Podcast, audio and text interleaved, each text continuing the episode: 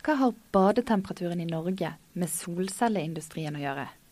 Og hvordan kan det ha seg at Erik Stensrud Marstein leder to ulike forskningssentre innen solenergi? Velkommen til Podkraft. Jeg heter Camilla Odland og er journalist i Sysla. I denne podkasten snakker jeg og Marstein om den rivende utviklingen innen sol.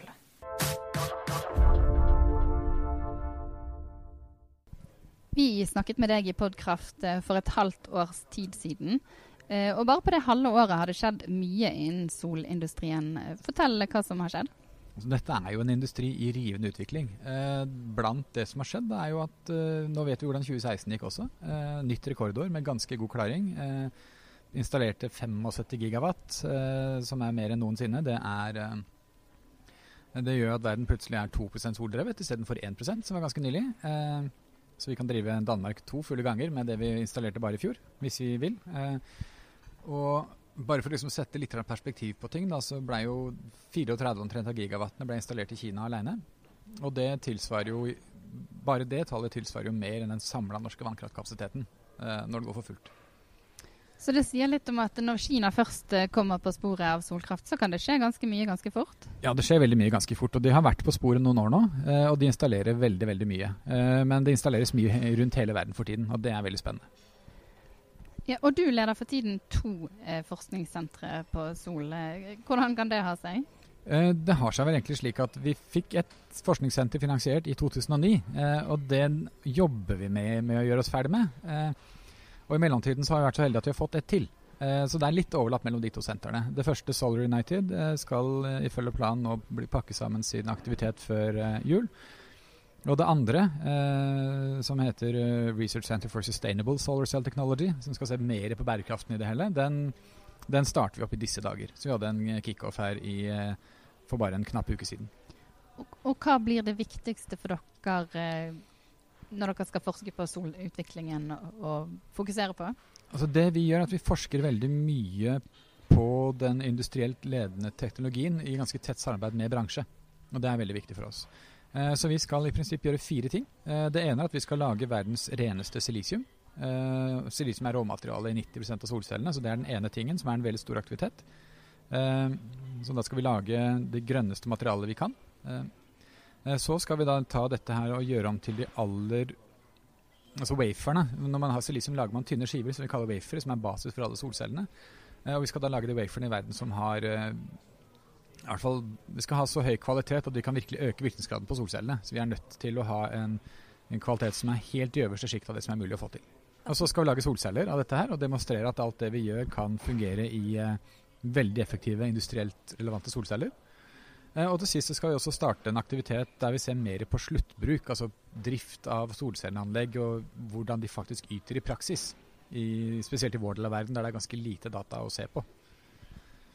Og For å ta det første først, du nevnte superrent silisium og wafere. og Der er vel Norge ganske langt eh, fremme allerede, er ikke det sånn? Jo, vi har faktisk flere av de beste selskapene i verden i, i, i Norge, eller også norskeid. Altså, vi har Elkem Solar med svær fabrikk på Fiskå rett utenfor Kristiansand, som lager 7500 tonn silisium, som er sertifisert som verdens eneste.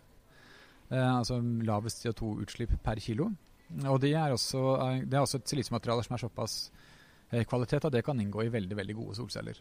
Eh, noe det da gjør. Eh, så har vi jo andre selskaper som både Elkem Solars nye fabrikk på Herøya, men også Norwegian Crystals i Glomfjord, eh, Nordsjøen i Årdal kanskje spesielt, som da lager wafere, eller krystaller, i hvert fall ingots. Eh, og da har vi jo spesielt Norcem, som selger sitt materiale til de aller, aller mest krevende kundene i hele verden. Eh, og, og, begge disse aktørene kan jo tjene penger på det de gjør i Norge, til tross for et avsindig prisfall langs hele verdikjeden, også på silisium og wafer. Og det er veldig moro. Hvordan klarer de det? Det er snakk om uh, å For det første er det teknologi- og totalprisbilde. Altså de har klart å kutte kostnader hele veien allerede. Og så er de ikke ferdig. Altså, det er veldig, veldig givende å snakke med f.eks. Elken, som nå produserer til en pris som veldig få i verden er i stand til å gjøre. Og Allikevel er de helt overbevist om at de bør halvere kostnaden en gang til. Og Det jobber de hardt for, rett og slett fordi de forventer at alle konkurrentene skal også bli billigere, og da må de fortsatt ligge i tetsjiktet. Og Tror du at de klarer å halvere prisen? De er skikkelig flinke. Jeg har ganske stor tro på at de får det til. Ja, og solcelleprisen den har jo falt eh, Var det du som sa på siden 80-tallet så har den falt 99 var det det? Ja, og mer enn det. 99,5 i hvert fall. Den har falt ekstremt mye. Så solceller har blitt veldig veldig billige. Eh, og såpass billige at det har nå i lang tid vært billigere å Skal du få opp et solcelleanlegg, så koster det mer å få installert panelet enn å kjøpe panelet. Eh, og prisen skal fortsatt videre ned. Og, og vi vet vet om trinn vi kan gjøre langs hele verdikjeden som vil redusere kostnaden videre. Og også øke virkningsgrad. Men når dere nå skal lage enda renere silisium enn Elkem gjør i dag, samarbeider dere med de da, eller gjør dere det helt uavhengig? Altså I senteret så er det en god håndfull partnere, og vi bruker både industri- og forskningslabber. Så vi jobber veldig tett sammen. Eh, så vi jobber på industrielle materialer.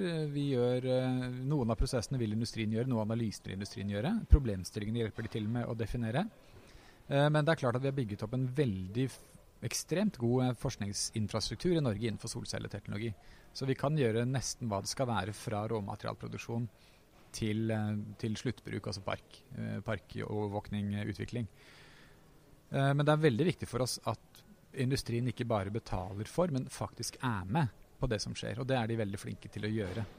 Men hvorfor er Norge så langt fremme på forskning på solceller, og produksjon av silisium for den del? Altså, det begynte jo med en lang tradisjon på materialproduksjon. Vi har alltid vært flinke, eller alltid, litt i 100 år kanskje, vært flinke til å gjøre om strøm til uh, høyverdige materialer. Uh, aluminiumsindustrien er jo et betydelig eksempel på dette her. Men også silisium har vært en norsk spesialitet lenge. Ja, og Det er jo mye av denne kompetansen kombinert med en del gode forutsetninger. Altså, vi har tilgang på kraft, som er ganske billig. Vi har kjøle, man kan si mye rart om badetemperatur, men det er godt kjølevann. Uh, så det er en del faktorer som syns på kostnadsbildet, som vi kommer ganske godt ut av. Og så er det da unik teknologi. altså Det Elkem gjør, er det bare de som gjør i hele verden. Og så lenge det bare er de som kan det og fortsetter å utvikle sin prosess, så vil det være vanskelig for andre å ta dem igjen. Eksempelvis. Men Du nevnte at uh, verden nå har 2 eh, solenergi. Mm. Um, hvor stort kan solenergi bli? Hvor mye vil vi få uh, til slutt, holdt jeg på å si?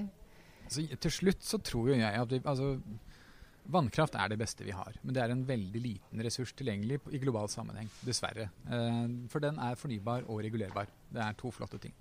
Uh, jeg tror at det vi da i tillegg vil se, er at vi kommer til å ha helt avsindige mengder av sol og vind. Eh, men det kommer til å kreve en ganske vesentlig endring av forståelsen av energisystemet. For akkurat i dag så er vi veldig flinke til å kjøre det vi kaller basekraft. Altså kull, gass, kjerne, Eh, eventuelt vann, da, hvis man er heldig og bor i Norge f.eks. Eh, og så legger vi sol og vind på toppen av dette her. Det vi er nødt til å få til, og det er hvis vi skal redde verden og greier, og er litt, jeg er litt tilhenger av det, da, det er å få et system der vi snur ting litt på hodet og ser at vi skal få så mye sol og vind vi bare kan. Eh, og så vil det komme netter, og så vil det komme vindstille dager, men det er sånn verden er, og det må vi håndtere. Eh, og Da er det mange triks vi kan bruke. Altså, jo større deler av verden som gjør dette, jo større geografisk variasjon i innstråling og vind. Så vi trenger gode nett, vi trenger gode samarbeidsavtaler på energi. Eh, vi kan styre lastprofilene ganske grundig. Eh, eh, og I tillegg så er det jo slik at vi også da bl.a.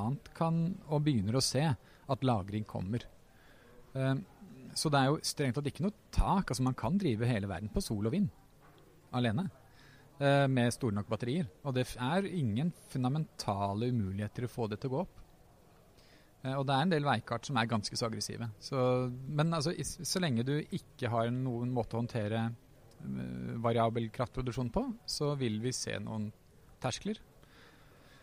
Hvor det ligger, skal ikke jeg spekulere, men altså 20-30 burde kunne gå ganske greit. Men det, da vil vi produsere mer enn 100% når sola står på. Eh, eh, sånn som i Danmark, sånn der man Danmark får betalt eh, ja, hvis det er veldig mye vind. Mm. Men, eh, men, det er på en måte hvis vi, hvis vi, klarer å finne riktige batteriløsninger eh, Elbilparken som skal bygges opp globalt, er et godt eksempel på dette her. Og så får vi nok store lagringsenheter, får vi nok mulighet til å styre storskala eh, energibruk og sånn, så er det, er det egentlig ingen fundamental begrensning. Og sol og vind og vann er jo på en måte de tre som er gode nok, da som er helt fornybare. Mm. Men da er det altså store batteriutvikling som må få plass, og så en helt ny måte å tenke nett og overføring ja. på. Og så er, det jo, ja, så er det flere som også tror ganske mye på hydrogen. For det er klart at når vi nå etter hvert får stadig flere dager med negative strømpriser, og store mengder eh, gigawattimer som da selges eh, hvert fall, i hvert fall e-sport gratis, om ikke til og med med, med pris, eh, så er det rom for å begynne å tenke ganske nytt rundt f.eks. hydrogenøkonomien også. At man kan bruke sol og vind til å lage hydrogen Ja. som på en måte blir et slags batteri? Ja, i, i veldig stor grad. Og der er det en del ting som skjer nå. Og fortell, hva skjer nå? Altså vi ser jo at det er, eh, altså Spesielt på batteri skjer ekstremt mye. Altså Elbilsatsingen er jo velkjent i Norge. Vi ser at dette er noe som brer om seg inn i maritim sektor og andre steder også. Eh, Og så ser vi jo at pga. at sol og vind da fosser såpass fort frem, så har man fått en litt ny holdning til hvilken utfordring vi faktisk står ovenfor, men også hvilke muligheter da som finnes i et regime der vi vil ha en veldig variabel kraftproduksjon.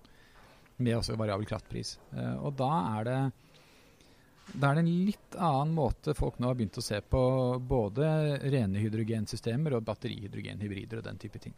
Og det er veldig veldig spennende. Mm. For da ser man sol og vind og alt i sammenheng. Ja. Og det må man gjøre for at det skal funke. Men hvis vi da skal komme dit at sol tar over enda mer, eh, hvilke muligheter gir det for norske bedrifter og miljøer? Mm. Altså, Sol kommer til å ta over enda mer. Altså, så er det bare spørsmålet hvor taket går. Eh, men det er jo kjempestore muligheter, for vi er best på noen ting. Eh, og vi har veldig gode bedrifter både innenfor silisiumproduksjon, ingots, wafers, men også på solcelleparkbygging. Scatec Solar et annet kjempegodt eksempel, som er blant de store i verden, som bygger parker over hele verden og drifter disse her eh, på en veldig, veldig god måte. Og der tjener den også penger. Så det er mange muligheter, og flere, Ja, altså, det kan har- komme flere, mer næringsliv ut av dette. Ja, så Norge er en energinasjon. Vi kan energi. Vi har eh, veldig mye tilgang til energipolitikere og energimiljøer rundt omkring i hele verden, eh, fra vår vannkraft- og oljebakgrunn.